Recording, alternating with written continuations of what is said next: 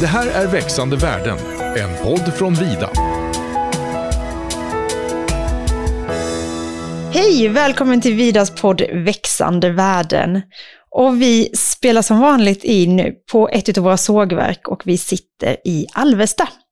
Och i den här podden så tar vi upp ämnen som vi tror intresserar dig som skogsägare och som gör att du kan öka värdet på din skog. Och idag så ska vi prata om tillköp av fastigheter. Och jag heter Joanna och till min hjälp har jag Fredrik Nilsson som också jobbar på Vida. Hej Fredrik! Tjena Johanna! Tjena! Du, du ja. får börja med att berätta lite om dig själv. Ja, jag heter Fredrik Nilsson och är 51 år och har jobbat på Vida sedan 2012 som skogsinköpare. Och eh, sen tre år tillbaka så blev jag förtroendeinvald på Landshypotek Bank också. Och eh, värdera fastigheter där eh, är min främsta uppgift, men sitter också med i styrelsen. Och eh, mina stora intressen är ju just skog och jakt, så jag bor på landet på en skogsfastighet och eh, har jämthundar som jag jagar med. Så det är väl lite kort om mig. Familj mm. naturligtvis. Mm. Ett par barn. Ett par barn? Ja, två stycken döttrar. ja, härligt. 17 och 14. Ja, kul. Ja. Men inte nog med att du är här. Lena Lund från Handelsbanken är också med oss idag. Välkommen! Tack så jättemycket, kul att vara här. Kan inte du också berätta lite vem du är? Mm. Eh, Lena Lund och jag, eh, jobbat i Handelsbanken i 35 år. Eh, runt om på kontor i Skaraborg och norra Älvsborg. Eh, bor eh, idag eh, ungefär 5-6 mil norr om ert sågverk i Borgstena. Så har vi det på vidakartan. Mm. Eh, mina intressen är också naturligtvis skog och lantbruk. Eh, vi har haft eh, egna skog och lantbruksfastigheter i familjen sedan början av 90-talet. Under den resan så har vi både köpt, gjort tillköp och också avyttrat. Så att de här frågorna ligger mig nära om hjärtat. Mm. Och det jag jobbar med idag är egentligen då att supporta våra kontor när det gäller skog och lantbruksaffären. Och också jobba med utbildning kring det här. Så superbra, det känns som en stark laguppställning för att prata om eh, tillköp av fastigheter. Jajamän. ja, härligt. Men eh, om vi bara börjar, finns det några frågor som man ska fundera på innan man köper? Jo, men man eh, har ju, det är väldigt bra om man har ett syfte, att man direkt tänker på hur ska man, varför köper man fastigheten och vad finns det för framtidsplaner? Det tycker jag är A och O. Nej, men syftet är ju jätteviktigt och om vi idag här då pratar tillköp så är det ju, då har man ju redan en, en fastighet så att säga och pratar man då tillköp så är det ju bra om det här är någonting som ligger kanske i, i närheten eller förädlar den här fastigheten som man äger sedan tidigare. Och pratar vi skog så tänker vi på banken då ofta eh, kassaflöde så att det här är någonting som matchar. Ungefär som när man sticker fingrarna så att säga från båda sina händer så ska de gå i varandra. Det är ju det optimala tillköpet lite grann att ett och ett kanske kan bli tre. Då har man verkligen ökat värdet. Och så kan jag flika i ytterligare där då att eh, det finns ju en del, eh, som jag då, som är jaktintresserade, som eh, blickar blickarna uppåt landet och gärna vill ha lite extra jaktmark och vara med och septemberjaga älg. Så att det finns ju en del markägare som köper skog av det syftet också. Mm. Mm, äh, men det finns nog väldigt många anledningar till att man mm. vill köpa skog. Det är inte bara skog. Nej, nej, verkligen inte. Virkesvärde rättare sagt. Ja. Oavsett vilket syfte man har så behöver det på något vis ändå finansieras.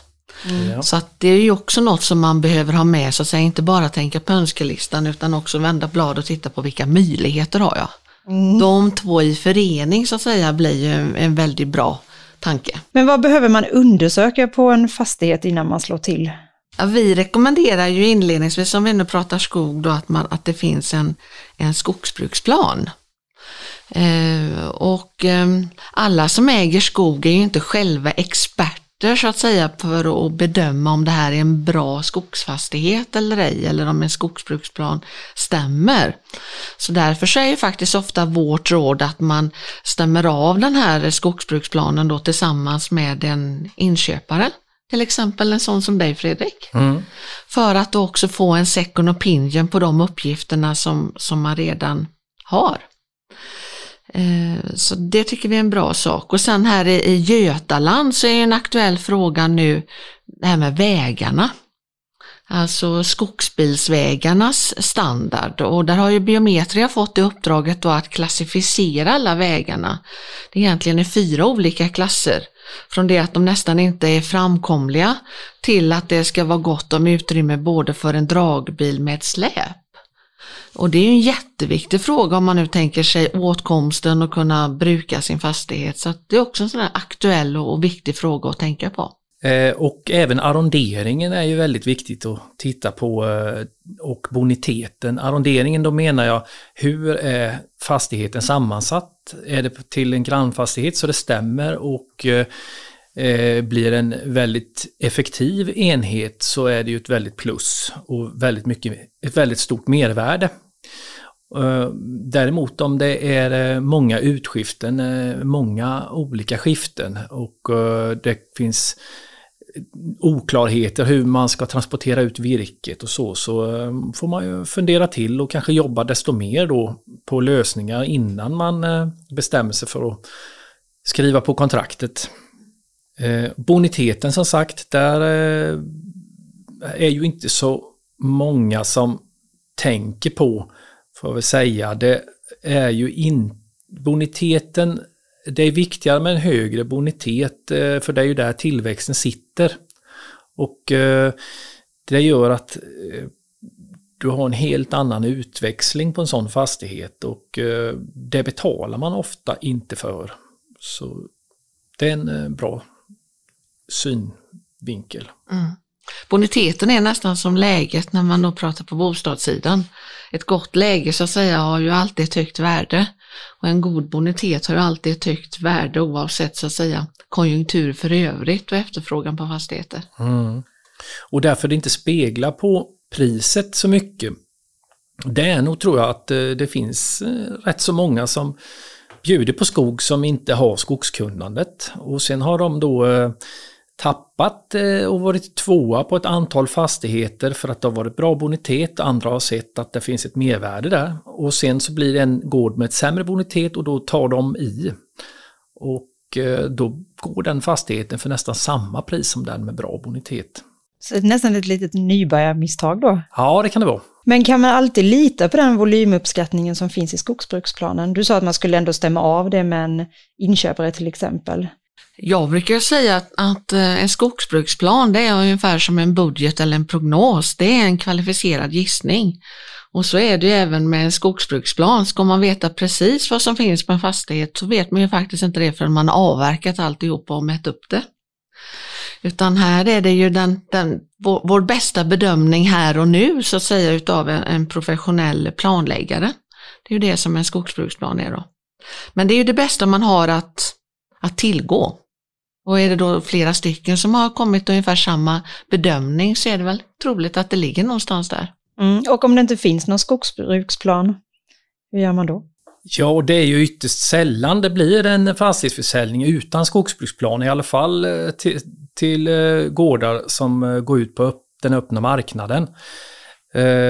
Men det är ju till att anlita och prata med eh, någon som jobbar med skogsinköp eller med, som planläggare att kunna göra en eh, någorlunda uppskattning om volymen. Mm, så man men, får med sig den kunskapen. Ja, men det är absolut att rekommendera att uh, ha en skogsbruksplan i botten. Och det kanske är positivt för säljaren också som kanske kan få ett högre värde av sin försäljning då? Det är absolut eh, positivt. Eh, sen är det viktigt, eh, som du säger, att, att man tar in andra att titta på skogsbruksplanen för att se om den stämmer. Och ju fler som har tittat och haft synpunkter, desto större chans är det ju att det blir rätt. Mm. Ja. Det är ju så här att göra tillköp det handlar ju ofta ändå om ganska stora pengar och då vill man ju ändå veta vad man köper. Ingen vill ju köpa grisen i säcken. Eh, och eh, det görs ju då skanning utav så att säga riket uppifrån och ner så att det finns ju material att tillgå. Och naturligtvis är ju det en viss osäkerhet i det. Nu håller man ju på att genomföra en ny omgång utav skanning här då. Eh, så, och det beror ju lite grann på om det är lövad säsong och olövad säsong. Och jag tror att de flesta bankerna har tillgång till den senaste skanningen för merparten utav fastigheterna. Men det är ett osäkerhetsmoment i detta som är större än om man har en upprättad skogsbruksplan. Eh, och man kan väl säga att de flesta fastigheter som går via mäklare har ju en skogsbruksplan upprättad. Det är också en kvalitet utav mäklaren att man vill ha den standarden så att säga på de objekten man förmedlar. Men det är väl det här när två grannar kommer överens om att det här skiftet har ju vi pratat om på så många jakter. Nu är det dags. Mm. Och det har vi upplevt i pandemin. Mm. Att väldigt många som har haft affärer på gång och pratat om det har nu sagt att vi vet inte hur länge vi har hälsan. Det är lika bra vi gör upp de här affärerna så kan vi lägga det åt sidan. Jaha, så ni har märkt större aktivitet nu i samband med pandemin? Ja, det måste jag säga. Jag jobbar ju med det här i hela västra Sverige då och det är väldigt många utav våra kunder som genomför affärer som man har tänkt på under ganska lång tid. Eh, så att det är ju positivt. För ofta blir det ju då en yngre ägare och en högre aktivitet kanske på fastigheten. Mm. Ja, vad intressant. Och skanningen det är ju laserskanning som eh, flygs över hela, över hela Sverige. Och plus minus 20 procent säger ju eh, statistiken att det kan skilja. Så att det är klart att det är ju lite mindre. eh, Eller lite mer än en skogsbruksplan. Men eh, det är ju bra att titta på båda. Som du är inne på. Ja, men två källor, Ja, det är ju Mm. det. absolut. Och sen få ytterligare några källor ifrån skogsinköpare. Hur kan man delfinansiera fastigheten med skogen man köper? Det där är ju väldigt beroende på eh, Eh, hur fastigheten ser ut och, och markägarens egna situation. Skogsbruksplanen ger en viss indikation men vi som köpare när vi kommer ut så, så tittar vi ju hela tiden på riskerna. Hur pass eh, mogen är skogen och hur stor risk finns det för just det enskilda beståndet. Bestånd är ju alltså en avdelning som är uppdelade, fastigheten är uppdelad i olika avdelningar. Och, eh, beroende på hur, hur eh, vindriktningar och, och även bonitet så, så eh, kan det vara väldigt eh, olika om man ska finansiera det med, med mycket avverkningar eller om man ska låna desto mer. Det, det är egentligen där jag tittar mest så är det nog just stormriktningar. Eh, det är ju där markägarna förlorar absolut mest pengar. Att eh, Eh, man får stormskador. Det är sett så många kubikmeter genom åren som har avverkats liggande och nettot blir ju eh, väldigt ofta dåligt också. De här ofrivilliga avverkningarna. Så att det, det, de markägare som har ett bra netto på sin fastighet, de har verkligen tänkt till när det gäller stormen. Stormriktningarna helt enkelt. Så man börjar i rätt ände. Är det någonting som skog, många skogsägare har med sig, tankar kring stormriktningar? Ja, det missas ju rätt så ofta tyvärr och jag ser ju även eh, planläggare som gör skogsbruksplaner som inte tänker så. Utan mer går på om beståndet är, är moget ur tillväxtsynpunkt. Eh, men eh, man måste se långsiktigt på en fastighet. Då har man absolut bäst förtjänst. Riskerna är ju jätteviktiga naturligtvis att kunna minimera och, och väderfenomenen så att säga ökar i omfattning så det är klart att det är en ökande risk. Idag pratar vi ju tillköp eh, och väldigt många av de som idag äger skog har ju inga lån överhuvudtaget. Eh, så då, då har man ju faktiskt verkligen två möjligheter, antingen att låna lite grann på den fastigheten man äger sedan tidigare och kanske lite grann på den man ska köpa till. Eller så har man kanske till och med förberett sig som eh, Fredrik säger och kanske sparat lite skog på den fastigheten man äger sedan tidigare för att kunna ha och kunna delfinansiera det här tillköpet. Alltså utan då ändå att öka sin risk. Så återigen så landar vi ju lite grann i det här, vad är min plan med mitt skogsägande? Äger jag en fastighet idag och jag har en önskan att utöka den arealmässigt, jag kanske går och spanar lite grann på en grannfastighet. Då kan man ju förbereda sig lite grann genom att till och med kanske prata med en inköpare. Hur mycket skulle jag kunna plocka ut här? Då är man ju mer förberedd när man kommer till banken också och vill prata krediter för att delfinansiera ett tillköp. Men är det vanligast att man köper ett grannbestånd eller är det vanligare att man sprider ut sin, sitt skogsägande? Absolut vanligast att man köper ett grannbestånd. Ja, grannfastigheten. Så hade vi haft en mäklare här så hade den sagt att två av tre eh, fastigheter köps ju av en granne. Mm. Ja men då ja, så, så har man vad heter det, span på grannens skog, då bör man börja spara lite pengar då, eller lite skog.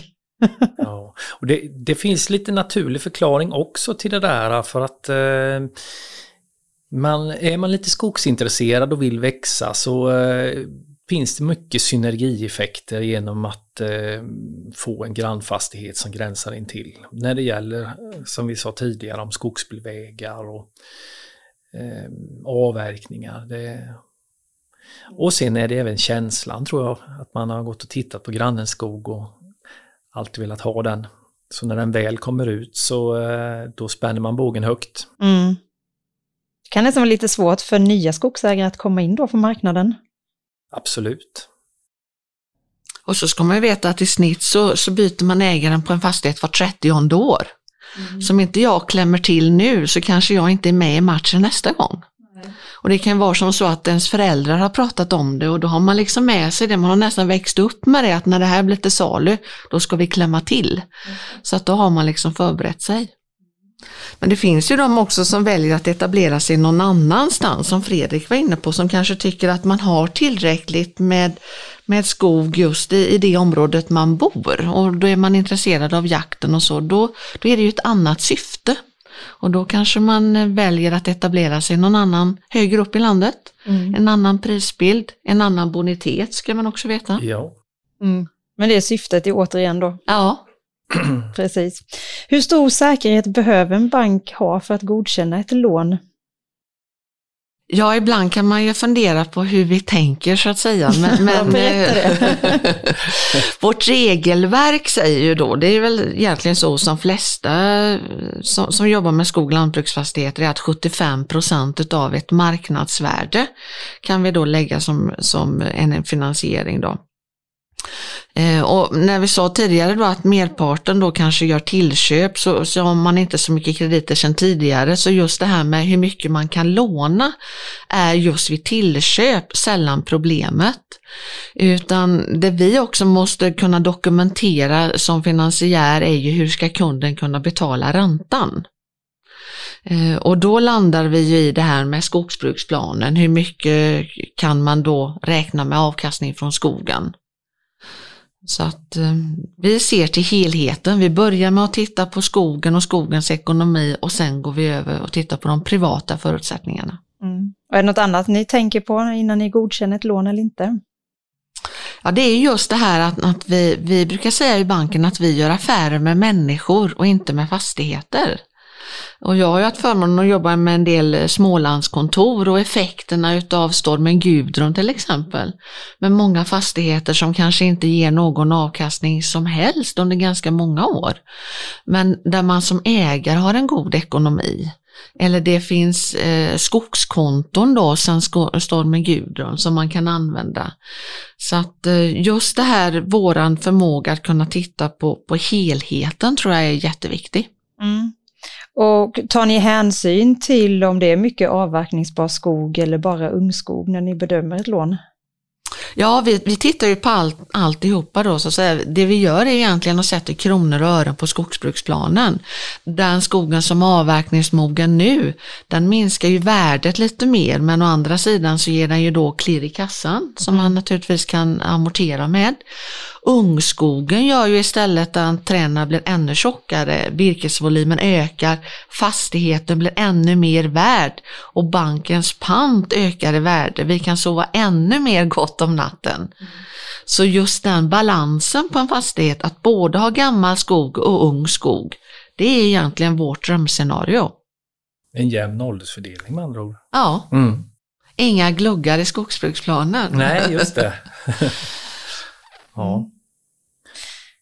Vill du säga något Fredrik? Ja, jag, jag, jag tycker det var väldigt klokt sagt. Eh, och, och ungskogarna de har ju en eh, väldigt stor potential.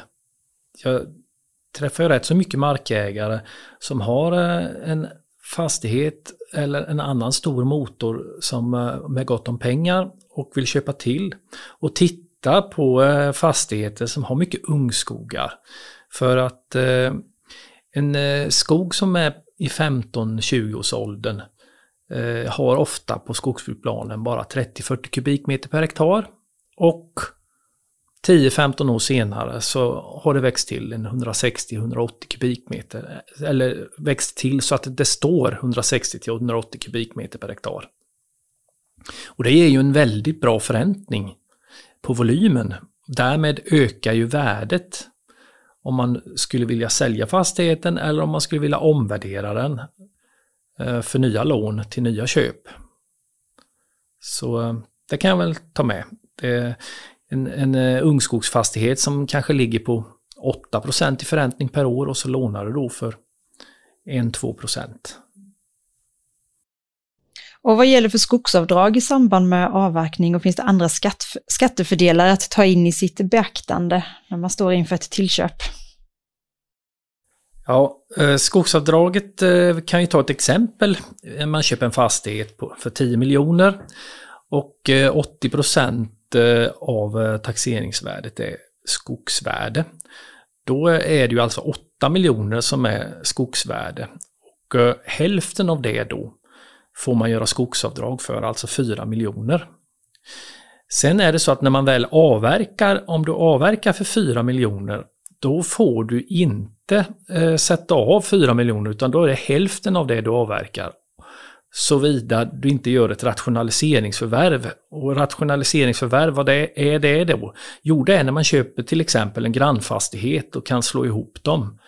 Eh, och det där bedöms, eh, så det behöver inte vara en grannfastighet men eh, det, det, det, får åtminstone inte vara i olika kommuner och eh, det har blivit hårdare så att eh, nu för tiden är det och, ja, grannfastighet eller bara någon kilometer därifrån. Och vem är det som gör den bedömningen? Eh, ja, vem är det? Länsstyrelsen. Länsstyrelsen, just det. Mm. Det får man ansöka om så att säga, i samband med sin deklaration, så det vet man ju inte innan utan man får göra affären i blindo och sen så får man ju veta det i efterhand mm, om ansökan mm. om rationaliseringsförvärv har gått igenom. Ja. Man blir varse liksom. Ja. Men är det så att de ligger i kloss, eh, gränsar in till då blir det rationaliseringsförvärv. Det här med skogskonto då, så att säga det som man har som allmänt avdrag i deklarationen, det är många av våra kunder som väljer att amortera då eh, med det beloppet. För då upplever man det som att man amorterar med oskattade medel. Om man någon gång vill sälja fastigheten så läggs ju det tillbaka då, så ja. det är ju egentligen en skatterabatt man har kan man säga till den delen man säljer. Men det finns ju också skogskonton som finns hos alla banker och som också är ett avdrag i deklarationen. Och där får man ju då eh, sätta in lite olika beroende på hur man har avverkat dem, men mellan 40 och 60 procent. Eh, och de pengarna får ju stå i tio år utöver insättningsåret och tanken är ju då att man ska använda dem för att kunna täcka fastighetens kostnader framöver. Eh, och det här är ju intressant tycker jag när vi då pratar om skattesituationen därför att det här gör ju att man håller hjärnan igång lite grann. Mm. Så att man inte bara ska tänka på de skogliga frågorna utan också den här ekonomiska rådgivningen. Eh, och, och tillköp, då kanske man har en plan att man vill öka och nästa generation ska ta över. Och då kan man faktiskt behålla de här skogskontona själv. Man kan lämna över fastigheten till nästa generation men man kan behålla skogskontona och så skatta fram dem i takt med att de förfaller då. Och då kan man säga, då blir ju verkligen skogsfastigheten en pensionsförsäkring. Ja. Jag har lämnat över den till nästa generation. Jag har förberett mig genom att ha en plan med mina avverkningar och, och så kan jag skatta fram dem själv då. Mm. Så här är väl tipset också då Fredrik, det kan vi väl säga båda två att eh, vi jobbar med banken och du med skogen, men att ha någon som hjälper en med deklarationen. Mm. Ja, det guld värt. Ja, en trio där liksom. Ett bra mm. skogsbolag, en bank och, och så någon som hjälper dig med deklarationen. Som är insatt. Ja. Mm. För det är lite krångliga regler när det gäller skatter i skogen, men de är bra. Så att, eh, för det finns ju ytterligare att lägga på. Vi har periodiseringsfonder, vi har någonting som heter räntefördelningsunderlag. Mm. Det är maximalt 30% skatt. Och eh, ja, det finns ytterligare expansionsmedel, ytterligare ett exempel på en, ett fint sätt att eh, växa utan att lägga för mycket skatt. Mm. Men att ta hjälp utifrån. Ja. Det är en framgångsfaktor. Ja. Absolut. För skatten är liksom inga problem bara man jobbar med rätt verktyg. Nej, Nej det är bra. Nu undrar jag om det finns ekonomibyggnader på fastigheten. Hur ska man tänka kring dem? På den fastigheten man vill köpa då alltså? Man får börja med att titta på, på standarden lite grann, hur, hur de ser ut och, och, vad man själv har för möjligheter att använda dem. Ekonomibyggnader kan ju bidra till värdet likväl som de kan bidra att sänka värdet. Så är det ju lite grann beroende på standard. Eh, hitta lämpliga former för alternativanvändning. Det beror ju kanske lite grann på geografin, var den här fastigheten finns. Ja.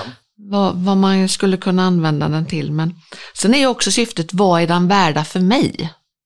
Det kan ju vara som så att man har mycket maskiner och utrustning och bara få ett tak över det kan ju vara mycket värt. Kanske inte så mycket värt för någon annan.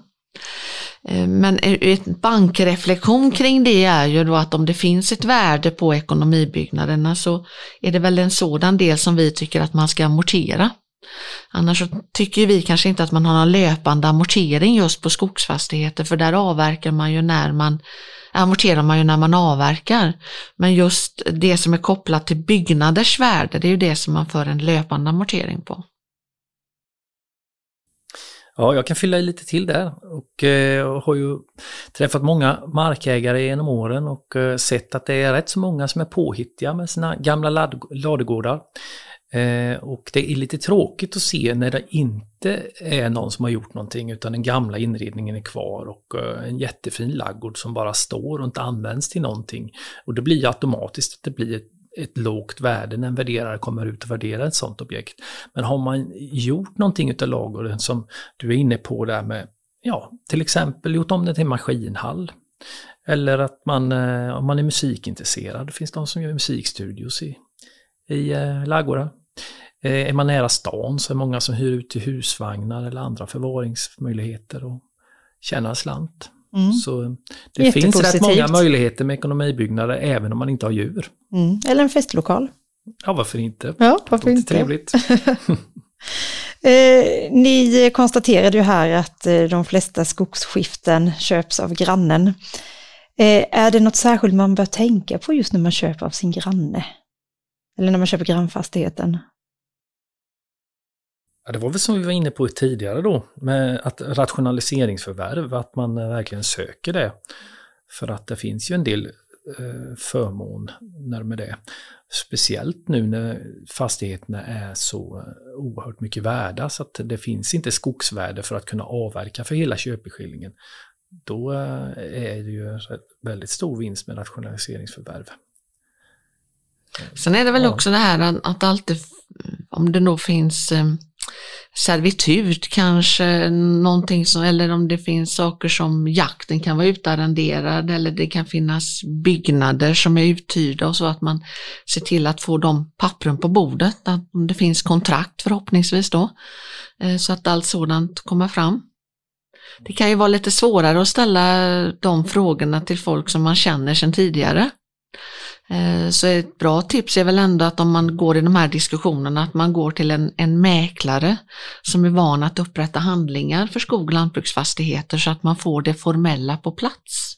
Ja, det, det tror sant. jag är en, en bra sak faktiskt för att där finns det också checklistor då, så att man får, får de här, eh, tänker på det, det som man kanske annars glömmer. Så ett avtal på en servett är ingenting jag rekommenderar? det är svårt att bli ägare på det. Men Fredrik, vilka frågor får du av skogsägarna när de funderar på tillköp? Ja men först och främst så är det väl just det att eh, de vill att man ska komma ut och titta så att skogsbruksplanen stämmer. Och eh, även titta på de andra byggnaderna och göra en bedömning om vad värdet kan vara och mäklaren har satt ut rätt pris. Och eh, sen när jag väl är på plats eh, så är det ju mycket frågor kring eh, de enskilda bestånden. Om det är avverkningsmoget eller inte. Och eh, då eh, tittar jag ju som sagt, som jag sa tidigare, mycket på stormriktningar. Men även boniteten och ståndortsmässigt om det är mycket gran på lite sämre marker så finns det ju som vi vet granbarkborren som lätt kommer in och härjar och då är det ju väldigt stor risk. Så sådana bestånd är ju bättre att börja om med. Mm, och Lena, vilka är de vanligaste frågorna man får på banken? När det gäller tillköp? Ja. Den vanligaste frågan är, är nog egentligen vad, vad tycker ni att den är värd? Mm. Eh, för man har nog en egen magkänsla tror jag. Om man följer, har man då förberett sig lite grann så vet man kanske vad fastigheter runt om har gått för lite grann. Eh, och då vill man få det lite grann verifierat och det är ju då vi börjar ställa de här frågorna. Vad vet vi om fastigheten? Eh, så det är ju det ena, men sen brukar jag faktiskt säga till kunderna, frågan är ju vad den är värd för dig. För det är ju du som ska betala. Eh, och då har vi faktiskt de här skattemässiga fördelarna för den som redan är skogsägare som gör att man kan betala upp lite mer. Eh, och det vet man sällan om faktiskt när man funderar på sitt tillköp. Så att eh, det vi kan göra är att hjälpa till så att det finns rätt dokumentation på plats men också i väldigt många fall hjälpa kunden att få rätt rådgivning kring sin egen situation. Mm, så att man inte glömmer någon fråga. Ja, precis, så att man förstår vilka fördelar man har. Eh, och så kan vi räkna på hur den här affären skulle kunna se ut för dig. Om den här eh, skogen då blir självbärande eller om det är som så att du behöver lägga till någonting från din privata ekonomi. Vi ser ju personen som en helhet. Mm. Men finns det inte en risk i att man bygger på sig ett för stort bestånd som sedan blir svårt att dela i ett generationsskifte eller i ett arv? Som regel, finns ju talesätt som säger att man ska ju inte ha fler fastigheter än vad man har barn. Och det kan bli dyrt i dessa tider om man har mer än ett barn. Eh, men tittar man då tillbaka till den där första frågan, eh, att man har en tanke, så tror jag ju att väldigt många har byggt på sig ett eh, bestånd som passar väl tillsammans. Eh, och det kanske faktiskt också är som så att man har två olika bestånd eller flera olika bestånd som är geografiskt spridda. Och då finns det ju möjlighet att eh, ge olika bestånd till olika, olika fastigheter till olika barn. Eller att man kanske till och med kan dela fastigheter. Eh, och sen kanske inte alla vill ha. När du ställer frågan kanske det finns barn som inte är intresserade av att överta en fastighet. Eh, och då kan man ju delavyttra, sälja till någon annan granne eller sälja en hel fastighet. För då ska det istället kompenseras med likvida medel. Så har man tillgångar att jobba med så är det väldigt positivt. Det, det är sällan något problem. Nej, men jag håller med eh, fullt ut. Och eh, visst, riktigt stora fastigheter som är homogena kan vara svåra att, komma överens om hur man ska bete sig. Men eh, det finns ju experter och eh, det brukar gå att hitta bra lösningar. Mm, jag får väl tipsa om att vi gjorde ett avsnitt om generationsskifte, så man kan ju lyssna på ja. det. Mm. eh, ibland så står det ju att det finns förbehåll i en fastighet, ofta i samband med ägaruppgifterna. Vad skulle det kunna vara? Ja, det vanligaste tycker jag det är att man har förbehåll på jakten. Och eh, det påverkar ju priset lite grann faktiskt. Man plockar ju bort en del intressenter för att eh, det är ju, som vi sa tidigare, många som tittar på kombinationen att äga skog men också få jaga i sin egna skog.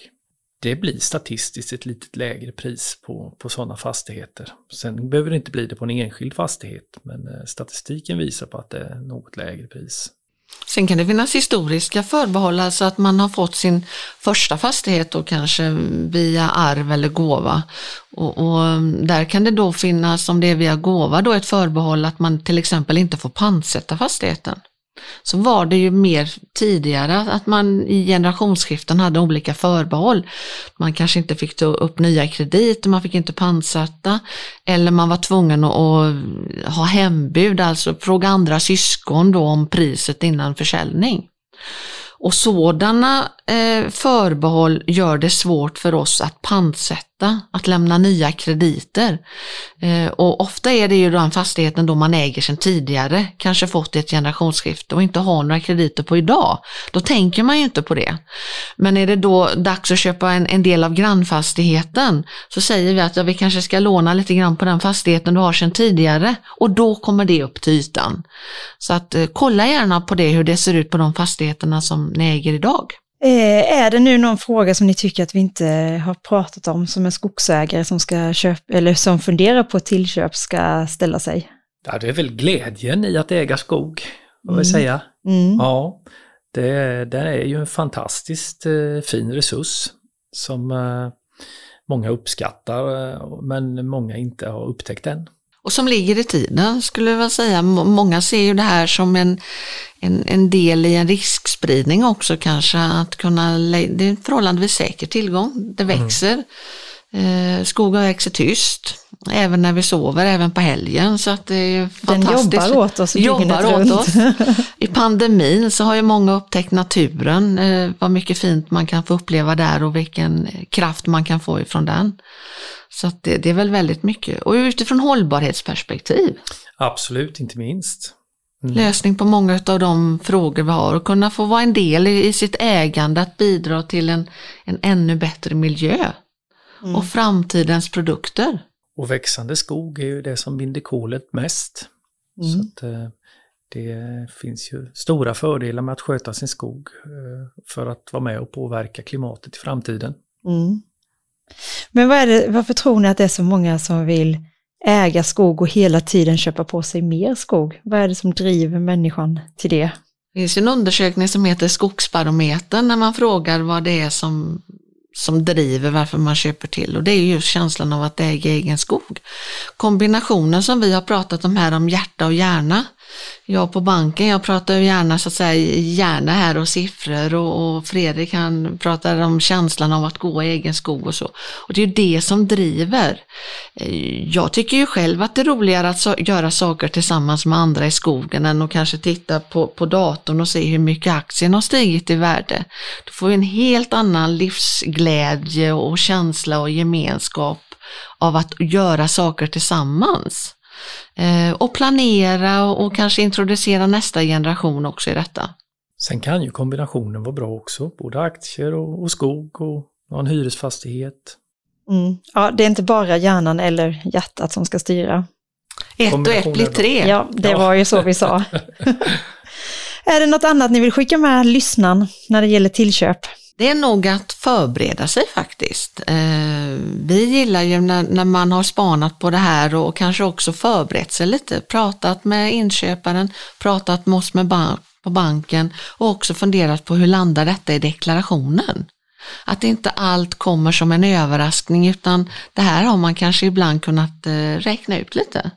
Kunna förbereda sig. Det tror jag också kan vara en nyckel till framgång. Förberedelse är ju jätteviktigt, absolut. Och sen vill jag slå ytterligare ett slag för boniteten. Mm. Titta gärna på den.